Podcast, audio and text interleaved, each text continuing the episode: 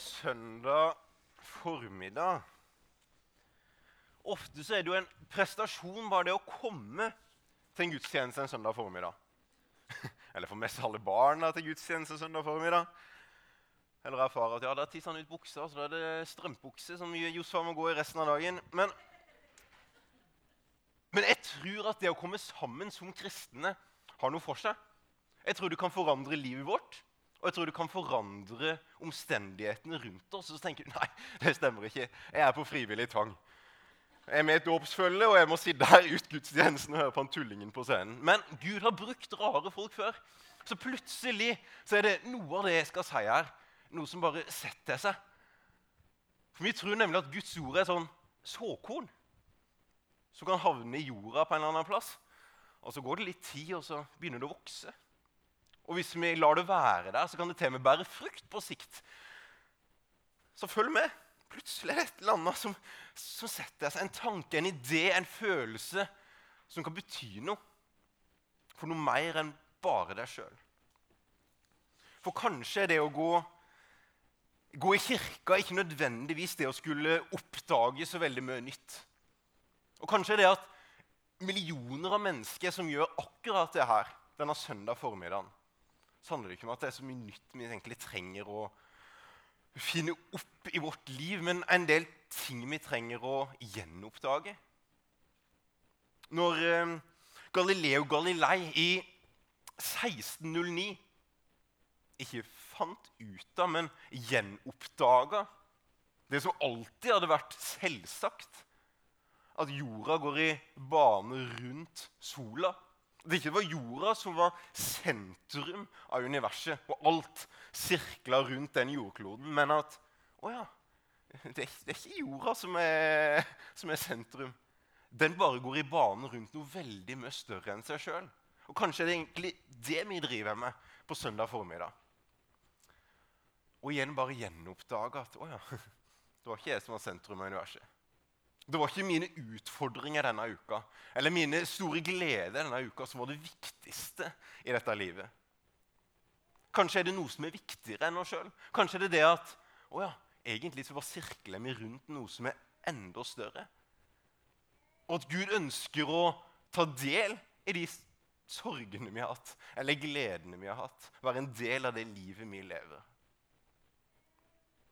Så før jeg blir for ivrig, så ber vi kort. Og så skal vi lese sammen. Takk, Jesus, for at du er her. For at du har potensialet til å forandre vårt liv. Må du velsigne hver enkelt som er her. Og må det som er sant, bli stående igjen, og må det som er tull fra meg, forsvinne. Amen. Og når vi samles ganske mange mennesker på en plass, så er det jo fort å havne litt i forskjellige kategorier av hvem som er her. Vi havner fort i ulike grøfter. Martin Luther, han som reformerte kirka på 1500-tallet, sa at i sin frustrasjon over den menigheten han, han leda, at å, kristne er som en full mann på en hest. Har du fått de opp av den ene grøfta, så tar det ikke lang tid før de detter ned den neste. Og, og vi havner også fort i to grøfter. Og det ene er at Når kommer inn her er litt sånn rasjonalister. At så lenge jeg lærer noe nytt, så er det fornuftig å gå på gudstjeneste. Så lenge talen uh, holder nivå med mine favorittalere på YouTube, eller så lenge jeg får noe intellektuelt, så gir det her mening. Og så er vi noen som er litt mer uh, følelsesmessig sentimentalister, som hvis jeg fikk gåsehud under lovsangen, ja, da var det greit å være der. Hvis jeg opplever at Gud sa noe til meg som bare var personlig og mitt, så gir det mening. Men begge de to tingene her tror jeg er grøfter. Og grunnen til det er at begge deler handler om oss. Hva om det at vi feirer gudstjeneste faktisk er en gudstjeneste? At vi kommer sammen for å tjene Gud? At vi kommer sammen for å nettopp gjenoppdage at å ja, det var ikke meg det handla om. Yes. Jeg går bare i bane rundt noe større. Og så finner vi vår plass der. Og Jeg, jeg må innrømme selv at det å stå her oppe jeg synes det er utfordrende. Jeg tenker ofte at det var så himla mye enklere å undervise matte og naturfag for en skoleklasse. Jeg kunne sjekke etterpå hva de hadde lært, og himla enkelt å forholde seg til. Og dere sitter med ulike oppfattelser av hva det her skal være. dere. Men for min del så har dette merka livet mitt. Det har forandra meg. Så jeg står ikke her for å gi en intellektuell preken pga. det her har forandra mitt liv, satt meg i frihet. Kanskje kan Guds ord bety det samme for dere. En sånn trykker i lomma. Greit å begynne på den der. Vi leser i Efeserne sammen som menighet. Efeserne er altså en by som ikke eksisterer lenger, men som har eksistert, og som Paulus planta en menighet i. Og Åtte år etter han har vært i den menigheten, sendte han et brev til dem for å oppmuntre dem. Og det Brevet består av seks kapitler, og vi har en sånn øvelse i menigheten om å lese seint dette året. Så vi skal bruke et helt år på seks kapitler, og det her er teksten for i dag. Og vi leser ikke seint i Bibelen for å prøve å være snevre, men for å bruke Efeserbrevet som sånn springbrett til resten av Bibelen. For å gjenoppdage hvem Gud er, og hvem vi er. Dere er bygd opp på apostlene og profetenes grunnvoll, med Kristus Jesus sjøl som hjørnestein. Han holder hele bygningen sammen, så den vokser til et hellig tempel i Herren. Og i ham blir også dere bygd opp til en bolig for Gud i ånden. En tekst som burde passe til snekkere ganske godt. Det handler om å bygge, og det handler om hovedsakelig å bygge tre ting. Vi skal bygge en grunnvoll, altså noe å bygge huset på. Et fundament som skal være holdbart. Og så skal vi bygge en bygning sammen som fellesskap. Vi som menighet skal også bygge et hus som er et levende hus som kan bety noe for Gud. Vi skal bygge noe flott noe for Gud. Og så skal vi òg bli bygd opp til en bolig for Gud i ånden. Så jeg skal prate om grunnvollen. Jeg skal prate om hvordan det ser ut som fellesskapet for oss som kristne. Og hvordan det kan se ut personlig. Så tre ting jeg skal prate om i dag. Og Hvis vi begynner med det her med grunnvoll og Vi prata litt på konfirmantundervisninga om det her på tirsdag. Og Da var de ganske enige om at ah, det er faktisk litt avgjørende med grunnvoll. For hvis en ikke har en grunnvoll, og huset bare står rett på bakken, så blir det jo fukt. Og da råtner det. Og så blir det skeivt etter hvert. Og så går holdbarheten veldig ned. Og jeg tror det er sånn i vårt liv også, at Vi trenger en grunnvoll for at ting ikke skal råtne unnenfra opp. Vi trenger å bygge på noe. Og hva er da den grunnvollen? Og Der tror jeg vi først må støtte oss til Salme 117, som sier at summen av Guds ord det er sannhet. Vi kan ikke bli for spesifikke, men Bibelen prater en plass om en grunnvoll. I Hebreerne 6 der står det Derfor skal vi nå gå videre fra det første vi lærte om Kristus, fram til full modenhet, så vi ikke på nytt må legge grunnvollen med omvendelse fra døde gjerninger, tro på Gud, undervisning om eh, renselsesbad håndspåleggelse, om de dødes oppstandelse og evig dom.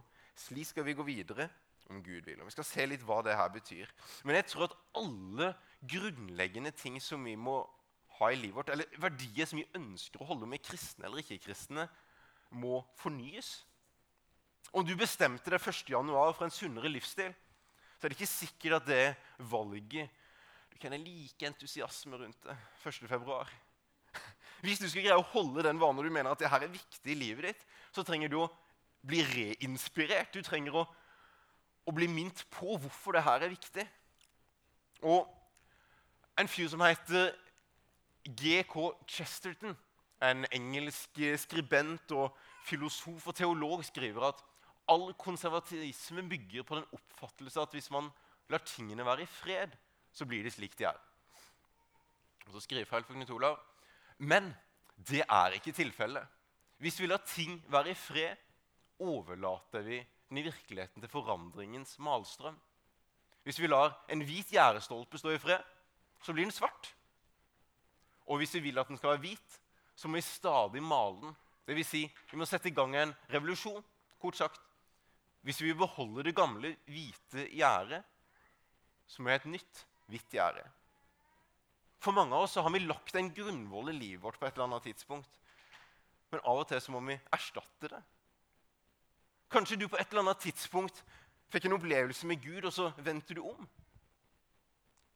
Og så en del år ned i løypa så trenger vi å se at er den gjerdestolpen, er dette, denne verdien er den fortsatt hvit? Eller trenger vi å bytte ut noe av grunnvollene i tillegg? Og Hvis vi ser på de tingene fra, fra hebreerne, da, så, så, legger det en liste på, på, seks ting. Og hvis vi finner en liste på seks ting i Bibelen, så vet vi at vi har lest feil. På grunn av, det virker som det er en hellig ånds eh, signatur på at ting skal være sju. Og Da ser vi på nummer tre der at dåpene, dåp i vann og dåp i ånd. Da får vi sju punkt. Men den første omvendelse, helt kort, handler om at vi går en retning, og så vender vi om. Og så går vi en annen retning. Tro på Gud. Altså, hva tror vi om Gud? Tror vi at han er en eh, sur, gammel gubbe oppe i himmelen, eller tror vi at han er den guden som Bibelen presenterer han som? Undervisning om dåp. Dåp i vann og dåp i Den hellige ånd. Om håndspåleggelse. At vi ikke bare kan få ting fra Gud, men at vi er jo avhengig av fellesskapet. De dødes oppstandelse, at vi tror at Jesus sto opp fra de døde, og en dag skal vi stå opp. Og at det en dag skal være en evig dom. Det er det hebreerne presenterer som en grunnvoll i vår kristen tro. Vi rekker å gå gjennom alle de, men vi skal bl.a. prate om den første, om omvendelse. Og omvendelse er jo en utfordrende ting å prate om.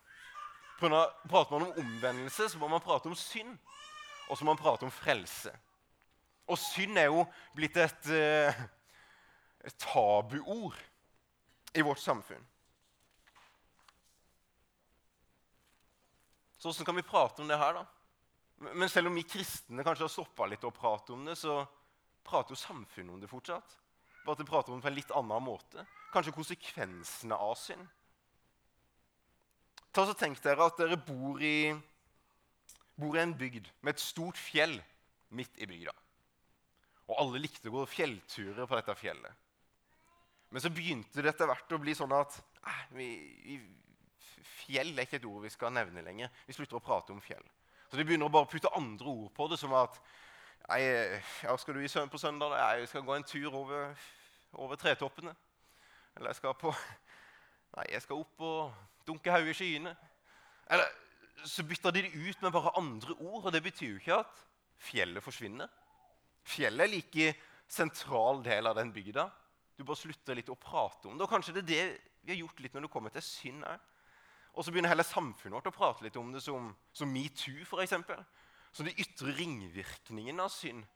Så prater vi om asymmetriske relasjoner og upassende oppførsel. Og prater om konsekvensen og ringvirkningen av det som egentlig Jesus sier burde ligge på hjertenivå. Han sier at loven kom for å straffe konsekvensen av synd, men jeg kommer for å helbrede hjertet. Så Derfor sier han at Ok, Dere sier det, loven deres sier det, men jeg sier den som ser på en jente med begjær, den begår synd i sitt hjerte. Det er der ting må begynne å skrelles av. Tør vi å prate om det som kirke?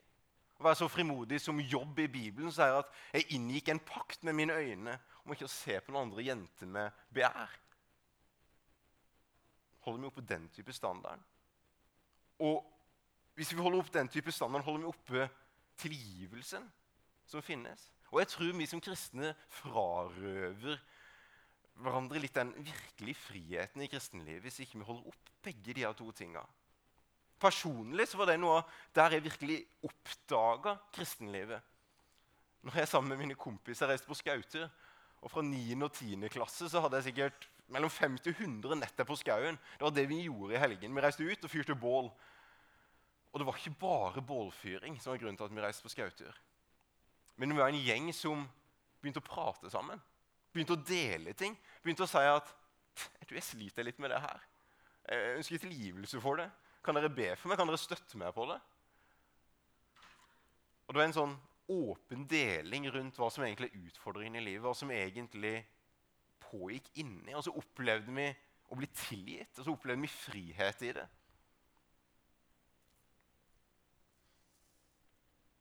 Og jeg tror det er mange her som sitter med samme oppfattelse. Det å be om tilgivelse er noe som kan forandre noe.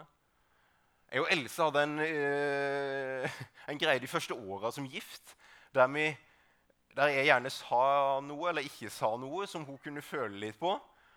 Og så ble det en sånn atmosfære. Jeg tror mange kjenner til det. du sitter i bilen, og så er det bare sånn Her er noe her. Fryktelig ubehagelig. Og så sleit hun med å kunne putte ord på hva det egentlig var for noe. Og så sleit vi med å finne ut av det her.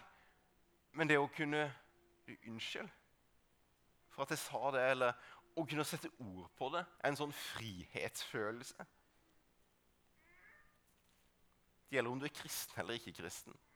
Men spesielt i kristenlivet, for da vet du at der står en med åpne armer og sier 'Jeg tilgir deg'.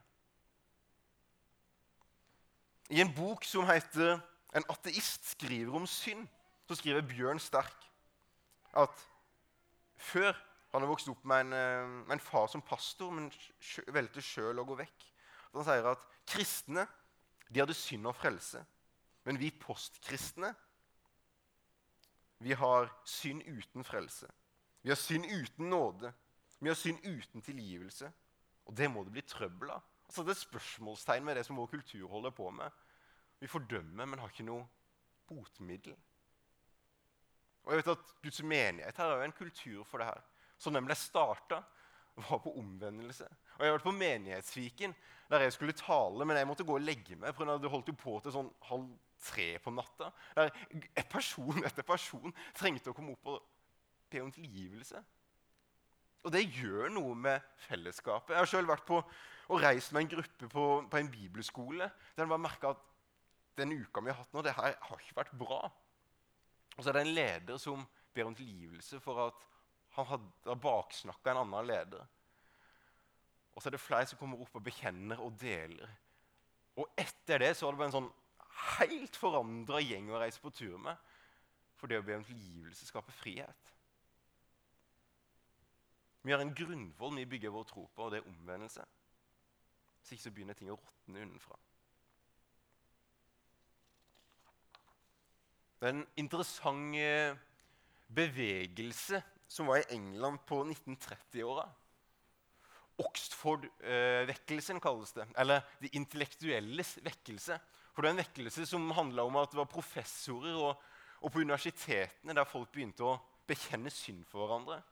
Og hovedlederen av denne bevegelsen Strømpebuksegutten. Han må opp og vise seg fram. Eh, og lederen for denne bevegelsen eh, sa at når kristne begynner å bekjenne synd, da opplevde de at da begynte de ikke-kristne å strømme til menigheten.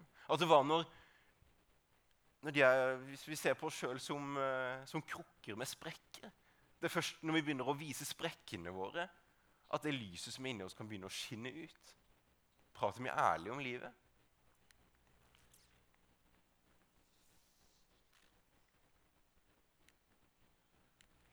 Og så har vi noe vi tror på. Vi tok i stad og reiste oss og bekjente trosbekjennelsen.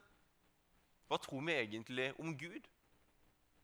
Og så synes jeg det er fantastisk at vi ikke bare har en trosbekjennelse, for denne ble skrevet når de ikke hadde bøker, ikke hadde noe særlig nedskrevne bibler, så de måtte ha noe felles teorigrunnlag å tro på. Men mest av alt så trenger vi praksiser. At dette er praksisen vår. I vårt fellesskap så pleier vi å gjøre dette hvis det er noen som sliter. Vi pleier å F.eks. at Camilla som nestleder av, menigheten har kommet til å passe barn på tirsdager når jeg og Elsa har konfirmantundervisning. Det er en praksis som sier vanvittig mye mer enn det hun kunne sagt med ord. Hvilke praksiser har vi som viser at vi tror på Gud? Og så er nattværen en sånn fantastisk praksis, der vi blir en del av et felles, eh, fellesskap. Men vi trenger òg praksiser. Uh, og så Hva betyr det her da for menigheten? Hva betyr det for, eh, for oss som tenker at vi er kristne, eller som er her i dag? For hva er egentlig menighet? Det bildet Bibelen bruker, er jo at vi er en kropp. Og på den kroppen så er vi mange lemmer. Og Bibelen gir oss egentlig Jeg prøvd å finne ut av Går det an å være bare personlig kristen. Er det noe som gir rom for i Bibelen? Jeg greier ikke å finne det. Det virker som at vi er nødt til å koble oss på den kroppen som vi kaller det kristne fellesskapet, på en eller annen måte. Så hvor er vår plass der? Gir vi oss inn til en eller annen connection på denne kroppen? For når, over 100 plasser i Bibelen så skrives det at bær hverandres byrder, vask hverandres føtter, elsk hverandre inderlig.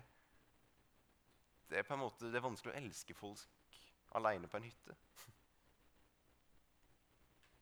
Så hva med denne menneskekroppen?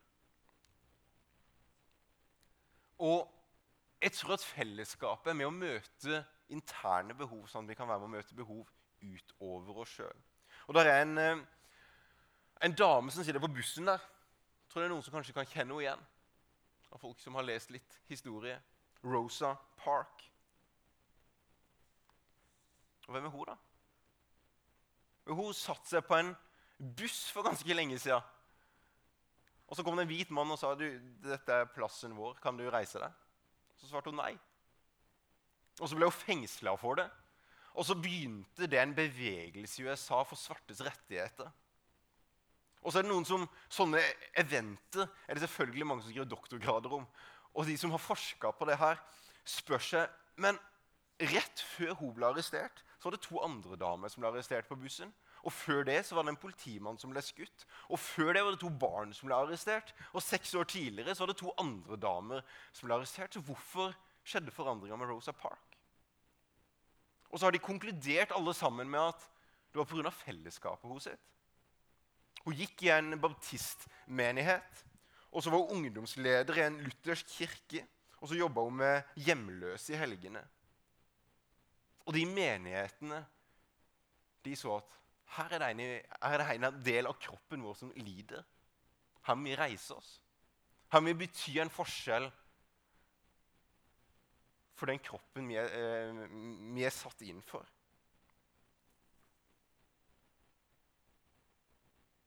Og jeg og Else har eh, lurt himla mye på det. Hva er egentlig kirke for noe?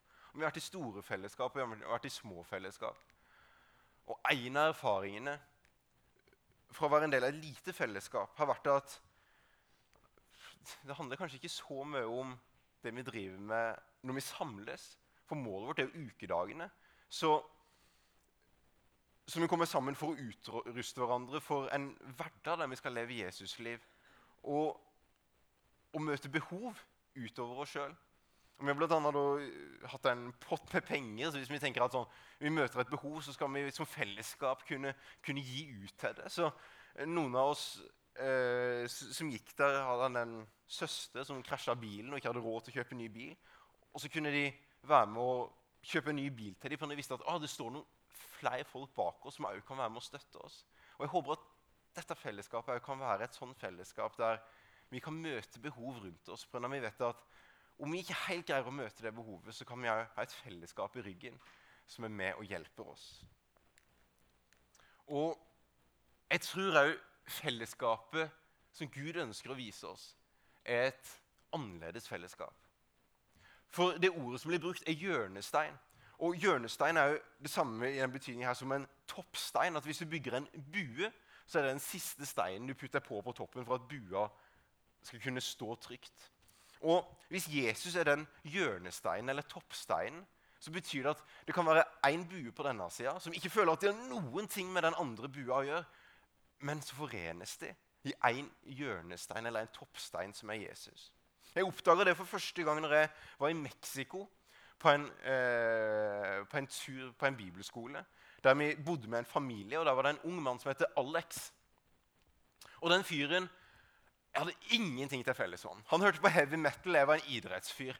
Han var opptatt av ting jeg ikke var opptatt av i det hele tatt. Men så fikk vi en enormt god relasjon, og vi merka at vi brant for det samme.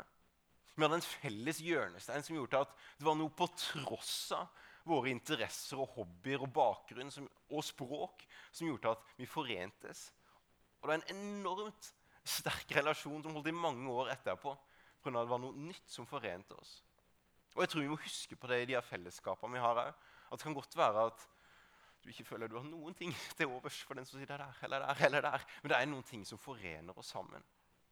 Det som står uh, før den teksten jeg kom til, handler om at det er nettopp det her det handler om. At Jesus er den hjørnesteinen som forener hedninger og jøder. Det var den største kontrasten som fantes i det samfunnet. Og Paulus sier at her er det ikke lenger mann eller dame, slave eller fri. Vi har et fellesskap som skal møte og inkludere forskjeller pga. det Jesus som forener det. Og Nattværen er det perfekte eksempelet på det. Et felles måltid der vi tar del i en felles kropp. Og til slutt, Hva betyr det her for oss, da? Og jeg tror det er sånn i alle våres liv at vi er litt som et fjell. På naturfagspråket så heter det erosjon. Hvert år blir alle fjell litt lavere. For de slites av vær og vind og snø og is og ytre omstendigheter. Og Hvis du har noe du ønsker å ha som verdi i ditt liv, hvis du ønsker å leve for noe og stå for noe, så må du bare bekjenne at hvert år slites de verdiene ned av omstendighetene rundt oss. Så vi trenger en slags motgift på den naturlige begravelsen av våre verdier. Og på jordkloden så løser de fleste fjella det med at, at platene går sammen. Det fins en landheving samtidig som det fins en overfladisk erosjon, som betyr at de fleste fjella i verden blir egentlig bare høyere og høyere. Selv om de slites ned. Og hva er det i ditt liv som gjør til at verdiene fortsatt står mer og mer sentralt, istedenfor at de bare slites ned omstendighetene rundt oss? Og Johannes Flott bilde av Johannes. ikke? Altså En av de som skrev eh, en bok i Bibelen. En disippel av Jesus.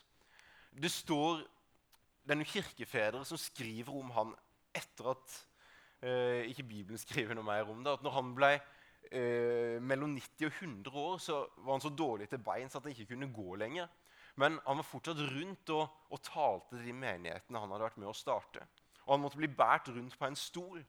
Og når han kom til menighetene for å undervise dem, så står det at på slutten så sa han bare Søsken, elsk hverandre. Så sa han ikke noe mer. Og folk ble ganske provosert. Har vi båret det milevis mellom stolen, og så er det alt du sier. Og Det var en kompis av meg som kom veldig engasjert hjem fra en tur i Bolivia etter å ha reist ut med gå-ut-senteret. Han sa at det mest fantastiske på naturen og Den siste måneden så var jeg en del av en menighet. Der han først hadde undervisning om hvordan elske Gud, og så skulle jeg gå over til hvordan elske mennesker. Da hadde pastoren bare kommet opp på scenen, så hadde han sagt teksten i dag er å elske hverandre. Så hadde han gått ned og satt seg igjen. Og Første søndag hadde det ført til litt sånn kaos og merkelige tanker. Og så Neste søndag så hadde han gjort det samme igjen. Teksten i dag er å elske hverandre. Og så hadde han gått ned og satt seg igjen. Og det noen begynte å skjønne da, at vi må finne på noe praktisk. Er det noen her som vi trenger å hjelpe? Er det noe vi kan gjøre? Er det noe praktisk vi kan gjøre for bygda og for samfunnet vårt? Og så hadde det vært det som han huska best fra den turen til Bolivia. For det var med å forandre den menigheten. Det begynte å gjøre noe praktisk med det. Så hvis vi er tilbake til Galileo Galilei da, Åssen han oppdaga at jorda egentlig ikke var sentrum, men noe som bare kretser rundt noe veldig mye større. Så kan det jo kanskje være vår erkjennelse denne søndagen at vi trenger å oppdatere oss på hva som egentlig er sant. For jeg tror om du tror det, eller ja, På, på 1600-tallet om du trodde at jorda var sentrum eller ikke, så hadde ikke det noen betydning for hva som var sant. De bare trengte å åpne øynene sine for sannheten. Og jeg tror det er sånn for oss at vi, vi, trenger å åpne øynene våre for hva som egentlig er sant om Gud og sant om oss. Så Derfor trenger vi å lese Bibelen. Og så trenger vi et fellesskap som kan hjelpe oss til å forme oss. Og så trenger vi praktiske erfaringer. Vi trenger at Bibelen ikke er en teori. Vi trenger å elske hverandre. For på kjærligheten til hverandre står det, skal folk se at dere er mine disipler. Jeg tror det er en grunnvoll å bygge livet på. Jeg tror det er en måte å bygge hus på som kan være et fellesskap som er levende. Og jeg tror det er en måte å bli en bolig for Gud i ånden. Der vi sjøl blir sånne templer som Gud ønsker å være en del av. Sånn at Kristus i oss kan være det håp om herlighet. Takk, Jesus, for at du er god, og for at det skal bli en fantastisk søndag videre. Amen.